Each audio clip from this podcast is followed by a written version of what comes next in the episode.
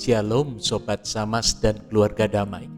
Sapaan Damai Sejahtera 5 Juli 2021 mengambil tema menyesatkan atau disesatkan. Keduanya tersesat. Tema ini mengajak kita waspada apakah kita sedang disesatkan atau justru menyesatkan. Karena sebenarnya keduanya menunjukkan bahwa kita tersesat. Mari kita memohon pimpinan Roh Kudus untuk merenungkan firman Allah. Bapa, buatlah kami peka untuk menyadari apakah kami sedang terbawa arus kesesatan. Pakailah firman-Mu untuk menerangi hati kami. Dalam Kristus firman yang hidup, kami berdoa. Amin. Sobat Samas dan keluarga damai, bacaan leksionari hari ini adalah 2 Korintus 11 ayat 16 sampai 33. Saat ini saya akan membacakan ayat 16, kemudian 30 dan 31 saja. Ayat-ayat yang lain dapat kita baca masing-masing. Ayat 16, Kuulangi lagi, Jangan hendaknya ada orang yang menganggap aku bodoh. Dan jika kamu juga menganggap demikian, terimalah aku sebagai orang bodoh, supaya aku pun boleh bermegah sedikit. Ayat 30, Jika aku harus bermegah, maka aku akan bermegah atas kelemahanku. Allah, yaitu Bapa dari Yesus Tuhan kita, yang terpuji sampai selama-lamanya tahu bahwa aku tidak berdusta. Sobat Samas dan keluarga damai, dalam bacaan kita hari ini kita diperhadapkan pada dua kelompok orang. Pertama, orang yang memegahkan diri dan memperdaya orang lain. Mereka adalah para guru palsu yang menyebabkan ajaran sesat. Yang kedua, adalah orang yang diperdaya dan menjadi korban.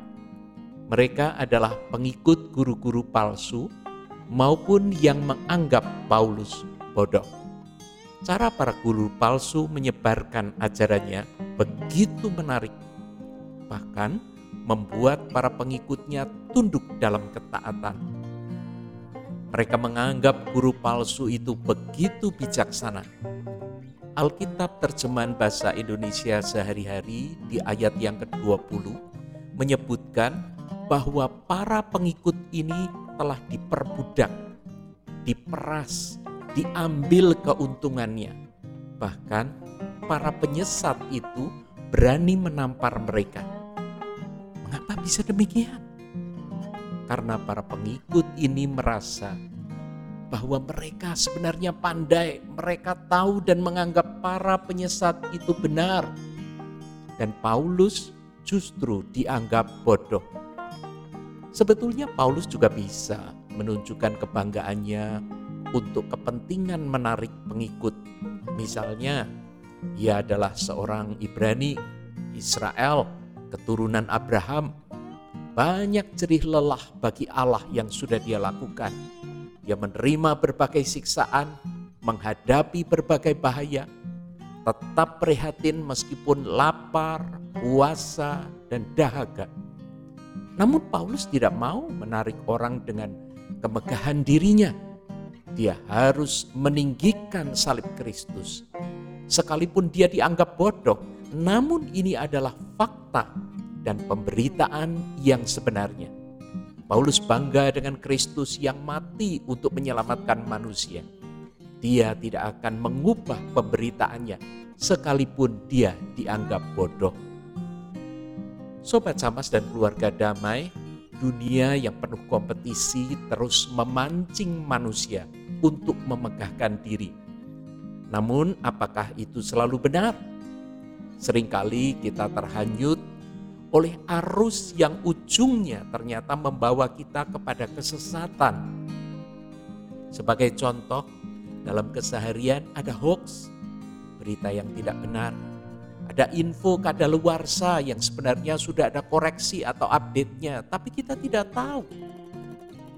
kita jadi korban. Bisa karena kita kurang wawasan, kurang info, atau terpesona pada orang yang menyampaikan.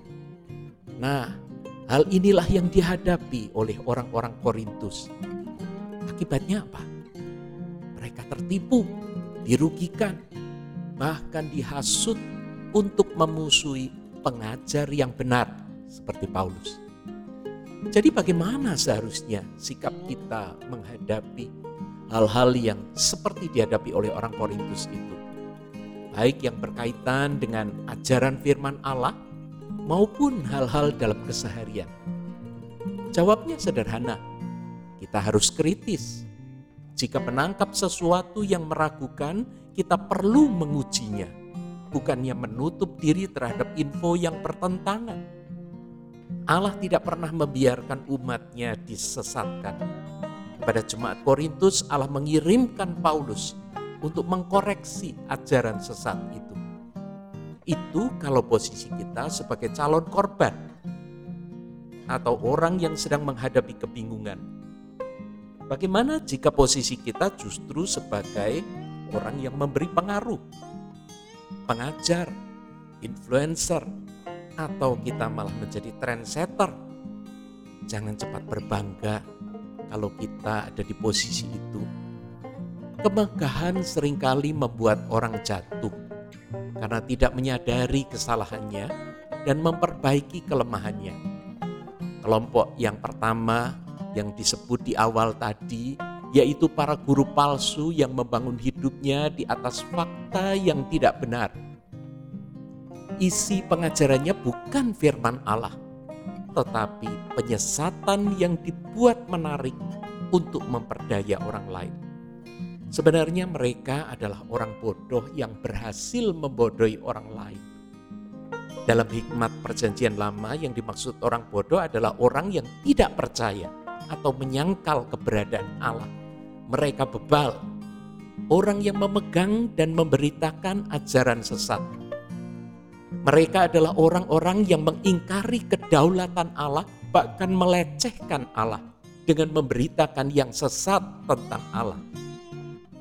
Berhati-hatilah bagi Anda yang punya pengaruh besar, karena dengan mudah Anda bisa menyesatkan orang lain. Yakobus 3 ayat 1 memberi peringatan keras bahwa sebagai guru kita akan dihakimi menurut ukuran yang lebih berat. Matius 18 ayat 6 mengatakan lebih baik baginya jika sebuah batu kilangan diikatkan pada lehernya, lalu ia ditenggelamkan ke dalam laut. Saat ini begitu banyak orang yang bukan hanya rela ikut arus kesesatan, bahkan mereka malah dengan sadar menyesatkan orang lain demi kepentingan dirinya. Ini persis dengan para nabi palsu tadi. Jika kita di posisi ini, segeralah sadar dan berbalik arah. Jangan pernah mengambil keuntungan apa pun dengan cara menyesatkan orang lain Renungan hari ini mengajak kita waspada dan selektif terhadap yang kita terima. Berbagai informasi, ya, pengaruh-pengaruh, ya. Kita perlu menguji. Kita melihatnya dari ajaran dan prinsip yang kita pegang. Jangan mudah disesatkan. Namun juga jangan menyesatkan. Karena keduanya menunjukkan bahwa kita sedang tersesat. Agar dapat menyaring dan menentukan sikap yang benar, mari kita memohon Roh Kudus memberi hikmat dan mendampingi kita. Mari kita berdoa. Bapa, berikan kami kepekaan untuk membedakan yang sesat. Beri kami hikmat untuk menyaring apa yang harus kami ikuti dan kerjakan. Buatlah kami bertanggung jawab penuh kepadamu atas keputusan yang kami ambil Kiranya Roh Kudus memimpin setiap pergumulan kami. Dalam Kristus kami berdoa. Amin. Sobat Samas, selamat menentukan posisi dengan mengingat jangan menyesatkan dan jangan mau disesatkan. Tuhan menyertai saudara.